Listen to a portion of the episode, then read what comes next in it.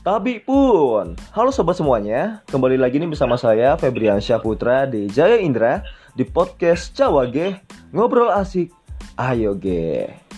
Nah di podcast kali ini sambil menemani aktivitasmu hari ini tentunya kita bakal ngobrol-ngobrol nih sambil mengisi waktunya dan tentunya kita bakal bahas tentang apa sih peran duta sesungguhnya. Dan hari ini kita bakal kedatangan nih tokoh publik dan juga narasumber yang berasal dari Bali. Penasaran siapa dia? Ini dia, Julia Rati GD Sitompul. Halo Ul, apa kabar? Halo kak, wah kabarnya luar biasa nih, apalagi weekend ini benar-benar Uh-uh. produktif. Kalau kakak Alhamdulillah. gimana nih kabarnya? Ya kabarnya sekarang lagi record podcast nih bersama Julia dari Bali. Gimana Ul kabarnya di sana?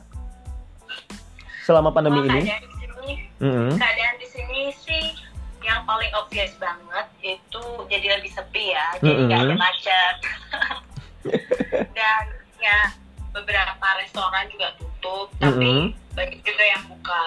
Oh, ah.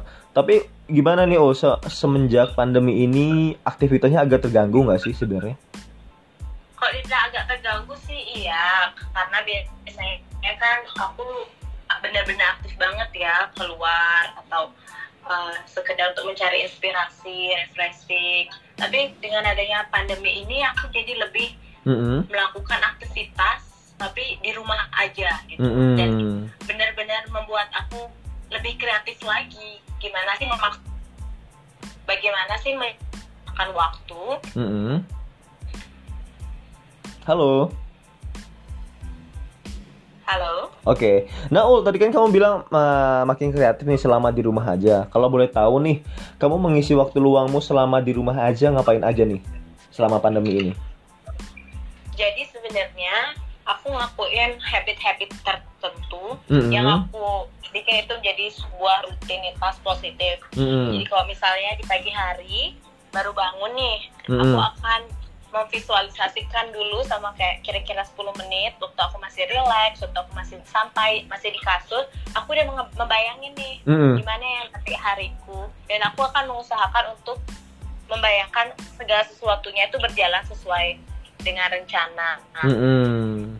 kayak having a great day, sunny day, bertemu teman-teman yang uh, baik Mm-mm. dan memotivasi dan mensupport kita misalnya.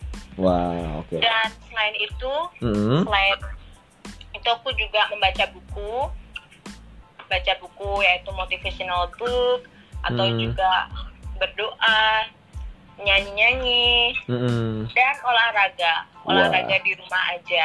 Di rumah aja ya. Iya, biasanya aku Mm-mm. Mm-mm. Gimana gimana? Biasanya aku yoga sebelum tidur dan juga workout sedikit 10-20 menit cukuplah sebelum aku pergi ke kantor karena di Bali aku masih tetap pergi ke kantor. Oh, em, by the way kamu eh, kerja di bagian apa nih Ul? Masukku di sektor apa?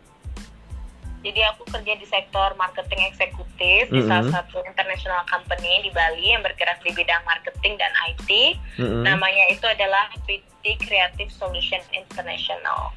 Oh, wah, keren keren keren. Tapi selama pandemi ini tetap aja kerja gitu ya Ul ya. Iya, Mm-mm. Ul gimana nih Ul? Heeh. mau nggak mau ya. Iya sih ya. Yang penting eh, selama pandemi ini agak jaga jarak lah ya. Gunain masker kalau keluar, terus kayak selalu cuci tangan pakai sabun. Mungkin kalau setiap me- megang-megang apa ya bahasanya kita kan nggak tahu nih ya di luar sana kan gitu. Yang penting kita tetap berusaha untuk higienis aja gitu. Betul banget. ah. Nih Ul, eh, mengenai tema kita hari ini, apa sih peran duta sesungguhnya? Nah, gimana nih Ul? Mungkin bisa ceritain nih eh, sep- sepak terjangmu nih di dunia perpejenan. Mungkin kamu bisa ceritain nih ke teman-teman, eh, kamu pernah ikut ajang apa aja sih gitu selama ini gitu? Wah, kalau untuk ajang, Heeh. jadi pertama kali itu aku ikut namanya Mr. and Miss President University. Itu Mm-mm. ambasador kampus aku. Hmm, Dan kebetulan dapat juara the most favorite wow. eh, di sana. Terus aku di bulan yang sama aku juga ikut another beauty pageant yaitu Mm-mm. Putri Batik Karawang.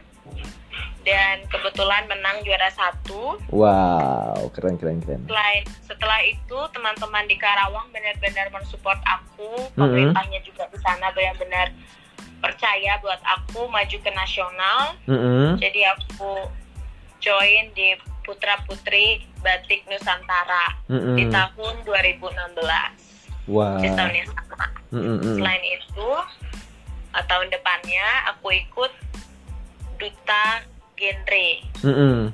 di Jawa Barat Mm-mm. dan aku menang di duta genre Kabupaten Bekasi. Mm-mm.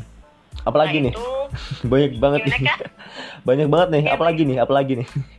selain itu ikut lomba lagi namanya Putri Putra Putri Dirgantara Indonesia. Di situ ikut lomba Mm-mm. dapat juara top 5. Mm-mm. Nah, terus tahun lalu Mm-mm. ikut lagi lomba Putri Bahari Mm-mm. Indonesia dan kebetulan dapat juara runner up Mm-mm. dan di tahun yang sama juga ikut lomba Putra Putri Tenun dan Songket Indonesia Mm-mm. di bulan Desember tepatnya Mm-mm. dan dapat juara sebagai second runner up Wah. Songket Indonesia. Masih ada lagi nggak ini? Cukup ya sampai situ ya kira-kira ya tahun paling barunya ya. Iya, benar Hmm. banget. Jadi Ul bisa dikatakan dari tahun 2016 ya kamu memulai ikut ajang-ajang seperti itu. Iya, betul banget, Kak. Wow banyak banget ya. Nih Ul tadi kan penasaran ya kamu sebut kamu sekarang stay di Bali nih. Tapi kamu ikut duta genre lah yang perwakilan di Bekasi itu Karawang. Karawang tuh daerah Jawa Barat bukan ya? Betul Iya, benar banget. Itu daerah di Jawa Barat. Oh iya. Nah itu gimana nih? Maksudku kok kamu bisa sih mewakili ikut di Bekasi, Karawang, sedangkan kamu kayak eh, terus sukunya juga Batak nih mungkin ya Batak terus stay di Bali itu gimana tuh ceritanya tuh? Oh, jadi karena waktu itu saya berdomisili di Bekasi, Mm-mm. di Jawa Barat, dan pemilihan putra-putri batik Karawang itu dia salah satu syaratnya adalah yang berdomisili di Jawa Barat. Mm-mm. Jadi pada saat itu karena saya memang penggemar batik sama seperti ibu saya, Mm-mm. jadi saya merasa tergugah nih, wah kayaknya nothing tulus aja deh, Mm-mm. coba aja Mm-mm. daftar. Nah ternyata di sanalah pengalaman baru eh, Julia dapatin gitu. Mm-mm. Yang sebagai notabene orang dengan suku yang mix, Mm-mm. dan juga domisilinya juga aslinya bukan di Karawang, tapi Mm-mm. bagaimana teman-teman di Karawang itu benar-benar merangkul Julia Mm-mm. dan benar-benar kita saling support each other. gitu. Mm-mm. Wah keren banget ya. Nih Ul, kau boleh tahu nih dari semua ajang yang pernah kamu ikutin itu, kira-kira mana nih eh, ajang yang mungkin paling berkesan gitu? Wajib loh pilih salah satu. Dan kenapa alasannya? Semuanya mungkin bagus sih ya, enak. Tapi mungkin yang paling berkesan gitu. Yang paling berkesan bagi Julia, to be honest, itu adalah putra putri Jeng jeng. Nusantara. Wow. Kenapa alasannya?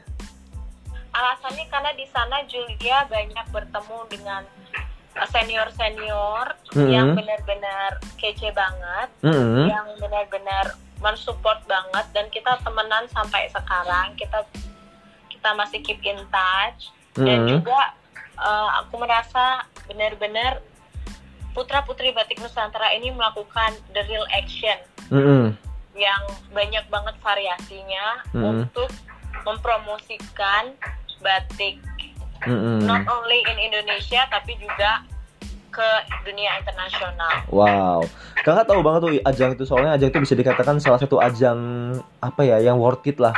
Itu PB, PPBN kan sebutannya. Iya benar. Ada tagline itu kalau nggak salah tagline itu eh, muda, Muda, gaya berbudaya. berbudaya. Betul nggak sih? Betul Muda. banget. Wah, Jadi keren. selama Julia menjabat di sana, selain pertama juga bertemu kakak-kakak yang super menginspirasi, Mm-mm. tapi di sana juga Julia belajar berorganisasi. Mm-mm. Karena Julia dapat kesempatan kemarin untuk menjadi PR dari salah satu event terbesar kita yaitu Gebiar Batik Muda Nusantara yang saat itu ada di Kokas, Oh, Jakarta. oh, oh. wow. Nah, di sana. Julia merasa benar-benar seneng banget Mm-mm. karena itulah wadah kita untuk berkreasi dengan batik karena di Mm-mm. dalam acara GBMN itu sendiri Mm-mm. banyak banget nih kak ada lomba lomba dance Mm-mm. lomba menggambar Mm-mm. lomba fashion show Mm-mm. yang semuanya itu berkaitan dengan batik Mm-mm. jadi dengan hal ini juga akan menyadarkan dan meningkatkan antusias dari masyarakat Mm-mm. untuk lebih mengenali dan mencintai budaya Indonesia. Wow, keren Mas itu juga Mm-mm. kegiatan itu kak Mm-mm. juga sangat mendukung UMKM Mm-mm. batik yang ada di Indonesia. Mm-mm. Karena di dalam event ini kita akan memanggil literally we call semua Pelaku gitu ya, UMKM, pelaku ya, UMKM. pelaku usaha dari Mm-mm. batik itu untuk ikut berpartisipasi dalam event kita untuk Wow. mempromokan uh, produk-produk mereka gitu. Wow. Nah, Apalagi selain- mm-mm. maaf kak gimana? apalagi batik ini bisa dikatakan sebagai warisan dunia ya, ya Jul ya. Dari Indonesia kan Iya, apa termasuk oleh UNESCO dan menjadi apa sih eh, benda ya. Tak benda aku lupa deh. Apa mungkin kamu yang lebih mengerti deh. Iya benar banget kak. Mm-mm. Ya selain itu juga Iya. kegiatan yang Julia benar-benar rasakan sangat menginspirasi itu adalah salah satunya fashion show yang dilakukan di dalam rel kereta api yang sedang berjalan Wow. saat menyambut Hari Kartini dan juga fashion show uh, di dalam pesawat. Wow, serius? Serius itu Iya, beneran? benar banget. Itu maksudku yang kereta di mana tuh pas itu dan di di pesawat rutenya ke mana tuh? Wah itu untuk yang di dalam kereta, sebenarnya Julia berpartisipasi di situ, cuma Hmm. juga lupa. Mm-mm, daerahnya mana gitu ya? Rutenya ke mana Iya. pas itu? Mm. Tapi di- itu di Jakarta. Hmm, Nah, mm-mm. kalau yang kalau yang untuk pesawat itu nanti deh Julia lihat lagi. Oke oke oke oke. To make it to make sure. Heeh. Nah, nih Ul kamu kan udah banyak banget tuh ya ikut ajang-ajang kayak pendutaan lah, inilah itulah. Nah, kira-kira apa sih motivasimu tuh untuk ikut ajang-ajang seperti itu? Motivasi Julia sih sebenarnya ialah untuk be the light. Mm-mm. Be the light di sini adalah menjadi terang yang memberikan impact positif kepada my society and my surrounding. Mm-mm. gitu karena dalam mengikuti ajang ini Mm-mm. itu benar-benar diharuskan kita mempunyai satu self control Mm-mm. bagaimana kita merepresentasikan uh, kegiatan atau ajang pemilihan itu Mm-mm. membawa brand itu di dalam diri kita sendiri karena kita adalah the face of them Mm-mm. bagaimana kita bertingkah laku, bagaimana kita dapat menginspirasi teman-teman dengan prestasi misalnya kayak Mm-mm. gitu. Wah, nih Ul, kamu kan tadi sudah sebutkan nih eh, motivasimu untuk ikut ajang. Nah, tapi kan di balik motivasi itu tentunya ada nih harapan ataupun ini nih ya bahasanya apa ya? eh, keinginan lah. Biasanya kan kalau kamu ikut ajang ini, kamu pengen ingin nih dapat ini. Nah, ada mungkin alasannya ingin dap ingin dapat hadiahnya lah, ingin dapat relasinya lah, temannya lah, apa gimana. Nah, keinginan kamu itu apa tuh kalau ikut ajang-ajang seperti itu? Sebenarnya keinginan untuk hadiah atau menjadi juara itu bukanlah tujuan utama sih Mm-mm. untuk Julia. Tapi tujuan utama Julia itu adalah mengemban suatu responsibility Mm-mm. yang not only for myself but also for society. Mm-mm. Nah, dengan ambassador itu menurut aku menjadi seorang role model yang represent young generation untuk menyebarkan kebaikan, like the ambassador of a goodwill. Gitu. Mm. Ini dia kira-kira nih eh, di balik itu semua pastinya kan ada keluh kesahnya nih ya, ada suka dukanya nih istilahnya. Nah, bisa nggak sih kamu ceritakan dari pengalamanmu nih yang kamu rasakan apa sih sukanya dan apa nih dukanya? apa nih? Kalau sukanya itu ada tiga hal sih, Apa tuh? Apa tuh? karena aku tuh merasa kayak I'm the real influencer Mm-mm. dengan institusi yang aku bawa gitu loh dan Mm-mm. aku tuh bisa educate people convey them and influence them with Mm-mm. what I stand for ah, gitu. Nah selain itu juga menurut aku sukanya itu adalah bagaimana kita dapat mengimprove diri kita mm-mm, dan tidak pernah puas dengan apa yang kita capai. mm-mm, Nah ini dalam konteks yang positif. mm-mm, Maksudnya adalah bagaimana kakak itu atau Julia as a person mm-mm, melihat dan berusaha untuk menjadi the best version of myself. Mm-mm, dan uh, pelajaran yang didapat so far ialah kegagalan itu adalah hal yang sangat biasa. Mm-mm, tapi yang terpenting adalah bagaimana kita melihat dan menanggapi kegagalan itu menjadi motivasi untuk kita menjadi lebih baik lagi. Mm-mm. dan membuktikan itu dan mengeksekut, memplanning, mengeksekut semuanya berasal dari di dalam diri kita, dimulai dari diri kita. Wow. Ada lagi nggak kira-kira nih Ul? Itu ya? Itu kesukaannya sih. Ah, Selain kalau itu juga dukanya apa nih? Menambah teman-teman ya, menambah Mm-mm. teman-teman, Iya, itu benar banget sih. relasi baru, Mm-mm, menja- melihat peluang baru.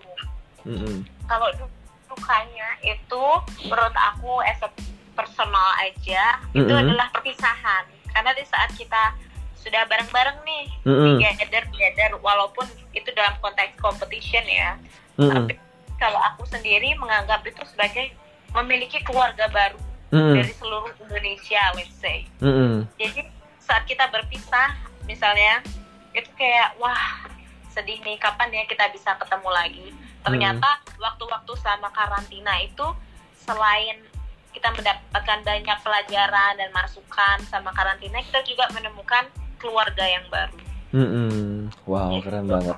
Nih Ul, tadi kan udah kamu jelaskan nih suka dukanya. Nah, mungkin dari pengalamanmu, terutama di pageant lah, pasti kan kalau di lomba-lomba ataupun ajang seperti itu kan mungkin bisa istilahnya suka begadang lah, terus latihan lama lah, terus pakai heels mungkin ya untuk yang perempuan kan capek mungkin. Nah, itu mungkin apa nih? Keluh kesah mungkin bukan keluh kesah sih, mungkin ada hal mungkin apa ya bahasanya ada ada nggak sih tragedi yang pernah terjadi gitu, yang pernah selama kamu rasakan? Hmm, ya ya. Jadi pertama-tama karena kita emang belum biasa ya, apalagi dulu karantina misalnya kita bisa menggunakan heels itu udah benar-benar berjam-jam Mm-mm. sampai kaki itu rasanya nggak rasa lagi.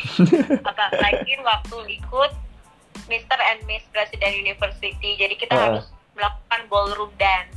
Mm-mm, wow. di mana diperlukan kekompakan, terus eh, keserasian, dan kita harus bisa juga ingetin satu sama lain nih gerakannya. Lewat kode-kode kode-kode gerakan, misalnya menepuk menepuk punggung belakang cewek Mm-mm, di bagian kanan. Itu artinya yang cowok ngingetin ceweknya majunya pakai kaki yang kanan gitu.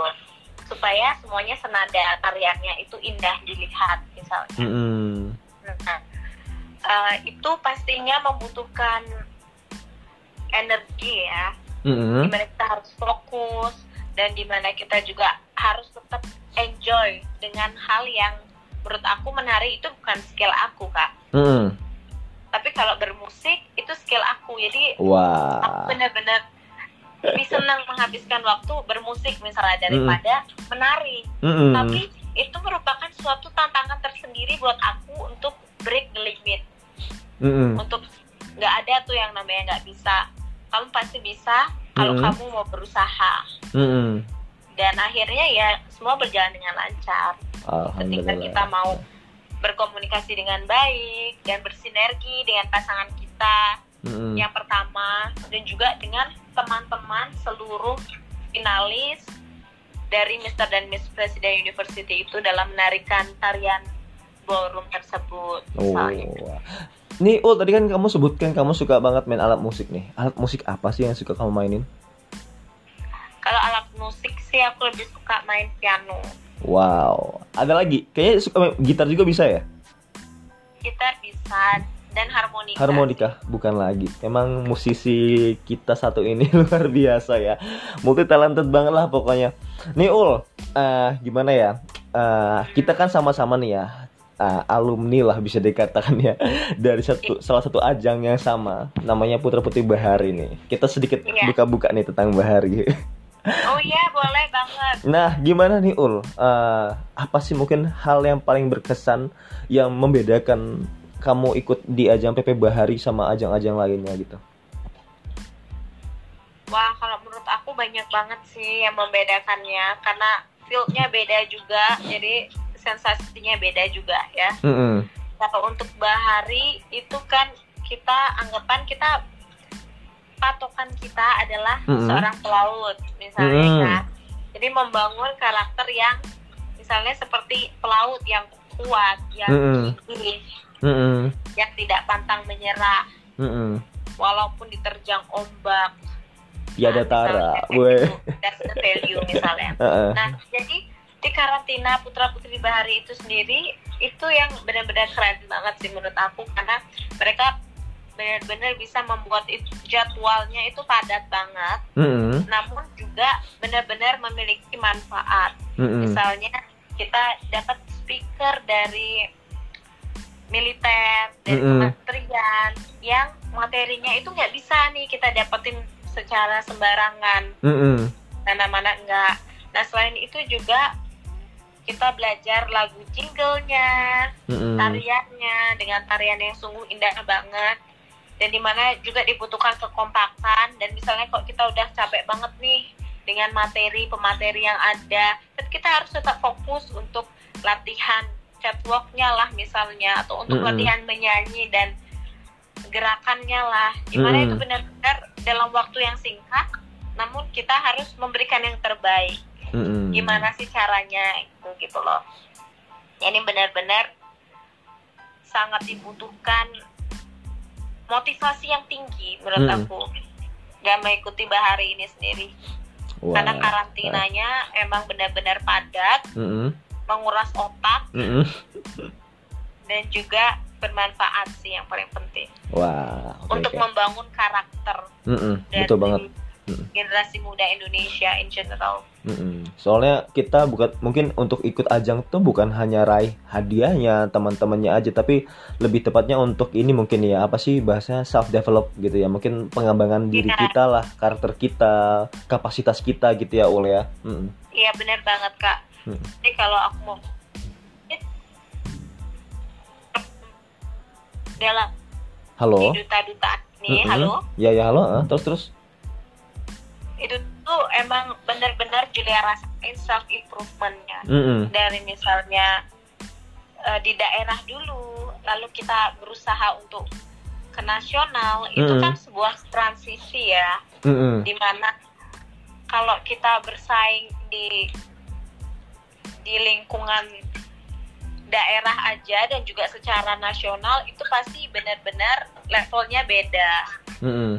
porsinya beda, kemampuannya memang harus ditingkatkan Mm-mm. gitu.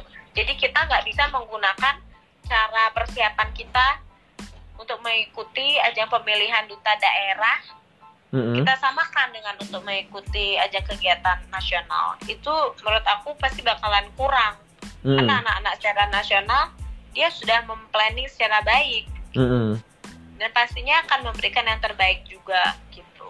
Wah. Ul, kira-kira nih Ul, kamu ada rencana nggak sih Ul untuk ikut ajang lagi gitu?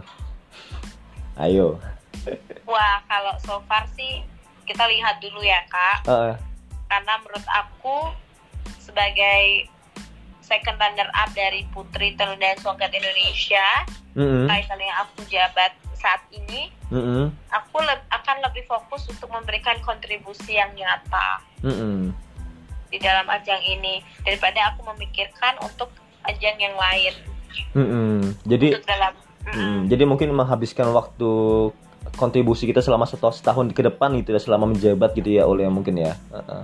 iya benar kak Mm. Nih Ul, eh, mungkin eh, teman-teman di luar sana yang pernah dan ikut nih dalam ajang-ajang pemilihan seperti itu ya, dunia, terutama dalam dunia pageant, mungkin pernah mendengarkan hal-hal seperti inilah yang bisa dikatakan ah duta segala duta lah, terus kayak semua ajang diikutin lah gitu kan, ada tanggapan dari orang-orang ataupun netizen nih seperti itu. Gimana nih tanggapanmu mengenai hal itu gitu? menurut aku sih ya anjing menggonggong kapilah berlalu Mm-mm. biarkan apa kata orang namun uh, kita yang tahu apa yang kita lakukan we know ourselves better than the others Mm-mm. kalau aku secara personal aku mengikuti ajang pemilihan yang benar-benar aku suka Mm-mm. yang benar-benar pas untuk aku Mm-mm. nah di saat kita sudah suka nih sama field tersebut pasti Mm-mm. kita akan mau memberikan 100% untuk itu Mm-mm. kan tulus untuk menjalaninya Mm-mm. dan berkontribusi yang pasti. Jadi menurut aku kita harus melihat dari sisi perspektif yang positif kak. Mm-mm. Jadi dalam mungkin mengikuti duta banyak nih segala duta, tapi yang harus kita tekankan poinnya Mhm. ialah bagaimana seorang seseorang mau mengembangkan dirinya Mm-mm. dan mau berlatih lagi Mm-mm. begitu menurut aku kak. Itu memang Lebih kayak self improvement. iya benar banget. Aku setuju banget sih masalah dan itu so. tanggung jawab ya Mm-mm. dan tanggung jawab Mm-mm. karena menjadi duta itu berarti kita memiliki tanggung jawab kan kak Mm-mm. untuk merepresentasi merepresentasikan Mm-mm. gitu Nah Ul, se- selain itu gimana nih Ul? Eh, mungkin ada juga nih ya orang-orang di luar sana yang pernah bilang kayak gini. Alah ikut duta cuma menang tampang doang gitu kan. Nah itu gimana nih? Kamu menanggapi orang-orang yang pernah berbicara seperti itu tuh? Ya menurut aku balik lagi sih kak bagaimana cara kita menanggapi hal itu Mm-mm. nah hal yang paling penting menurut aku ialah bagaimana kita merespon Mm-mm. dengan positif yaitu dengan semakin berkarya yang positif. Mm-mm. Jadi kita talk less do more. Mm-mm. Kalau emang cantik aja yang dilihat itu Mm. bukan bukanlah salah satu poin utama Mm-mm. untuk menjadi seorang duta karena Mm. menjadi seorang duta itu yang kita lihat ialah attitude-nya, Mm-mm. bagaimana dia dapat merangkul teman-temannya, Mm-mm. bagaimana dia dapat mengconvey the others, influence the others gitu loh. Dan hal itu kan diperlukan skill ya kak, Mm-mm. yaitu salah satunya adalah skill berbicara. Karena kita pastinya menjadi tokoh masyarakat. Mm-mm. We need to be able to do a great public speaking, Mm-mm. menjadi spokesperson Mm-mm. gitu. Jadi kalau menurut aku jika dilihat hanya wajahnya saja, it's totally wrong. Mm-mm. Karena cantik aja di sini tidak cukup menurut aku sebagai duta. Mm-mm. Namun hal yang paling penting ialah attitude. Mm-mm. Betul banget, betul banget, setuju itu. Gitu. Nah, Nih Ul, mengenai topik kita hari ini, sebenarnya menurutmu nih apa sih duta itu dan apa sih peran sesungguhnya gitu? Sebenarnya tadi Julia udah bahas, tapi Hmm. Julia akan tekankan lagi. Mm-mm. Menurut Julia, duta itu ya ialah seorang role model Mm-mm. yang mer- merepresentasikan Mm-mm. young generation and show positive, be that Hmm. ambassador of a goodwill Mm-mm. gitu, and influ Halo. ya halo, be Lanjutin. the Ul. ambassador of a goodwill dan juga influence others in the right way. Mm-mm. Misalnya nih, sebagai duta genre, Mm-mm. hal yang Julia lakukan ialah untuk mengedukasi teman-teman untuk misalnya nih untuk menghindari nafsa, Mm-mm. narkoba, psikotropika dan zat adiktif lainnya, Mm-mm. Untuk menghindari pernikahan dini atau menghindari seks pranikah. Mm-mm.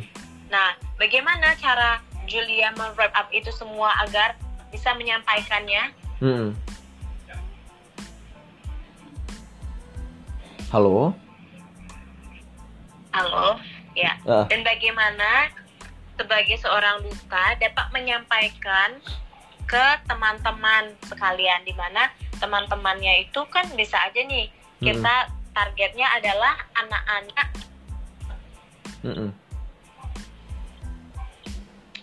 Misalnya target kita adalah anak-anak. Bagaimana Mm. cara mengedukasi anak-anak?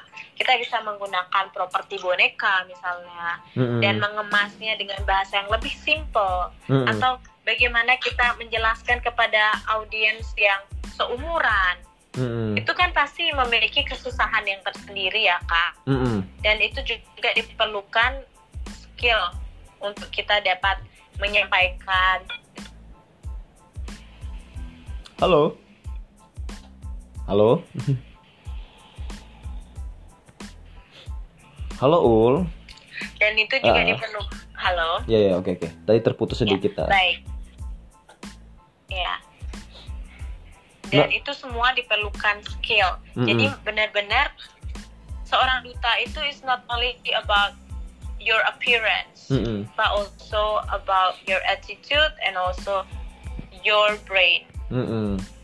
Aku setuju banget sih. Soalnya se- Gitu. sebagai duta itu bukan hanya memenangkan dan menggunakan selempang aja bahasanya ya, tapi banyak banget amanah, banyak banget hal yang kita pegang lah.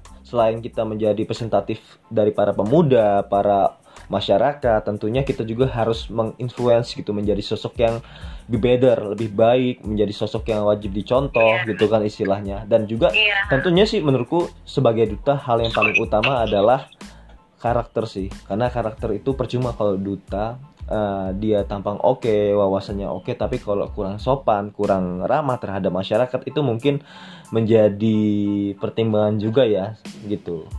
Iya benar banget kak. Jadi hal yang benar-benar Julia rasakan impactnya adalah memiliki karakter, Mm, karakter yang mau humble, mm, humble untuk datang ke masyarakat, mm, datang mendengarkan apa permasalahannya mereka. Saat Hmm. ini, apa yang kita bisa bantu, dan mm, juga uh, bagaimana kita membentuk remaja-remaja yang tangguh, yang Mm-mm. mau belajar, yang bisa berkontribusi untuk pembangunan dan juga berguna bagi bangsa dan Mm-mm. negara. Gitu sih menurut aku kak. wah keren Tapi yang aku mau tekankan di sini, iya yang aku mau tekankan di sini peran saya sebagai duta itu bukan berarti saya adalah orang yang totally perfect.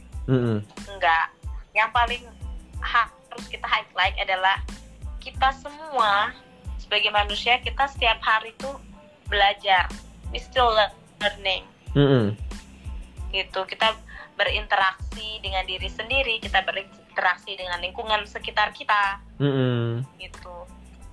Jadi semuanya itu perlu sinergi dan kolaborasi yang baik. Betul, betul banget Gitu, tuh. Itu sinergi dan kolaborasi penting banget sih memang. Eh, eh. nih Ul, mungkin pertanyaan terakhir nih. Bi- bisa nggak nih kamu kasih kata-kata motivasi maupun semangat nih untuk teman-teman di luar sama sana, terutama yang mungkin sangat tertarik nih dalam dunia Iya, baik. perpajanan. Menurut aku sih kata semangat dari aku cukup simpel. Life is a choice Hmm, and you only live once. hmm, But if you do it right, hmm, once is enough. hmm, Jadi start plan your life, hmm, believe in yourself, hmm. ex- execute it, better yourself. hmm. Itu aja sih. Oke. Jadi buat teman-teman yang mau ikut kan duta wisata atau duta segala duta. Jadi you want to reach it ya kalian harus mau berusaha untuk belajar, mempelajari dan mencintai apa yang kalian instansi Hmm, ikutin dan juga benar digali visi misi dari ajang pemilihan itu apa apakah itu sweet with you apakah dia memiliki tujuan yang jelas. Hmm, karena menurut aku itu esensial banget sih kak dalam suatu pilihan pemilihan aku benar-benar selektif banget. Hmm, selektif banget untuk untuk benar-benar know myself and know that institution itself. Hmm, maksud aku misalnya di Bahari itu sendiri ya. Hmm, contohnya putra putri bahari. Aku memang suka banget sama pantai aku suka melihat laut. Menurut Mm-mm. aku menjaga laut dan kebersihannya itu merupakan a part of me. Karena I was born here in Bali hmm, dan benar-benar pantai laut itu adalah tempat untuk aku untuk refreshing. Hmm, dan juga kita ingat kalau mau mengikuti suatu ajang pemilihan kita harus tahu motivasi yang jelas dari diri kita. Kenapa? Why? Hmm, knowing why. Why you join the beauty pageant? Hmm, kenapa? Apakah kamu suka dan tertarik? Apakah kamu bisa berkontribusi ke depannya? Apakah institusi itu sendiri memiliki tujuan yang jelas mm -mm. gitu jadi misalnya nih saat mengikuti ke halo misalnya saat mengikuti ajang pemilihan putra putri bahari Indonesia mm -mm. uh, Julia memang sedang aktif-aktifnya nih menjadi aktivis lingkungan Mm -mm. Karena Julia menjadi volunteer juga Mm-mm. di salah satu international NGO ya- Mm. yaitu namanya Rivers of yaitu namanya Rivers of the Sky Mm-mm. jadi uh, Uul juga ikut beberapa volunteer Mm-mm. un- yang bergerak di bidang lingkungan jadi Uul merasa wah itu benar-benar inline banget nih uh, kegiatan aku dan kecintaan aku akan lingkungan Mm. dan juga dengan ajang pemilihan putra putri bahari ini that's Hmm. why aku join Mm-mm. Terus apalagi misalnya Mm-mm. gimana kak Apalagi Ul kemarin perwakilan dari Bali ya. Bali kan notabene mungkin bisa dikatakan provinsi yang kaya dengan wisata baharinya, terus juga banyak banget sih NGO NGO dan mungkin uh, kom- apa ya komunitas lingkungan di sana ya Ul ya. Karena kan di sana mungkin Iya. banyak banget turis dari luar dan mereka ngebangun nih suatu NGO internasional yang berkesinambung ataupun fokus nih terhadap isu lingkungan di sana ya Ul ya. iya benar banget Mm-mm. jadi itu benar-benar hal yang aku tertarik banget Mm-mm. jadi itu ketika kita mempunyai ketertarikan kita mempunyai motivasi yang kuat ya Mm-mm. menjalaninnya ya benar-benar tulus aja plong aja gitu loh kak Mm.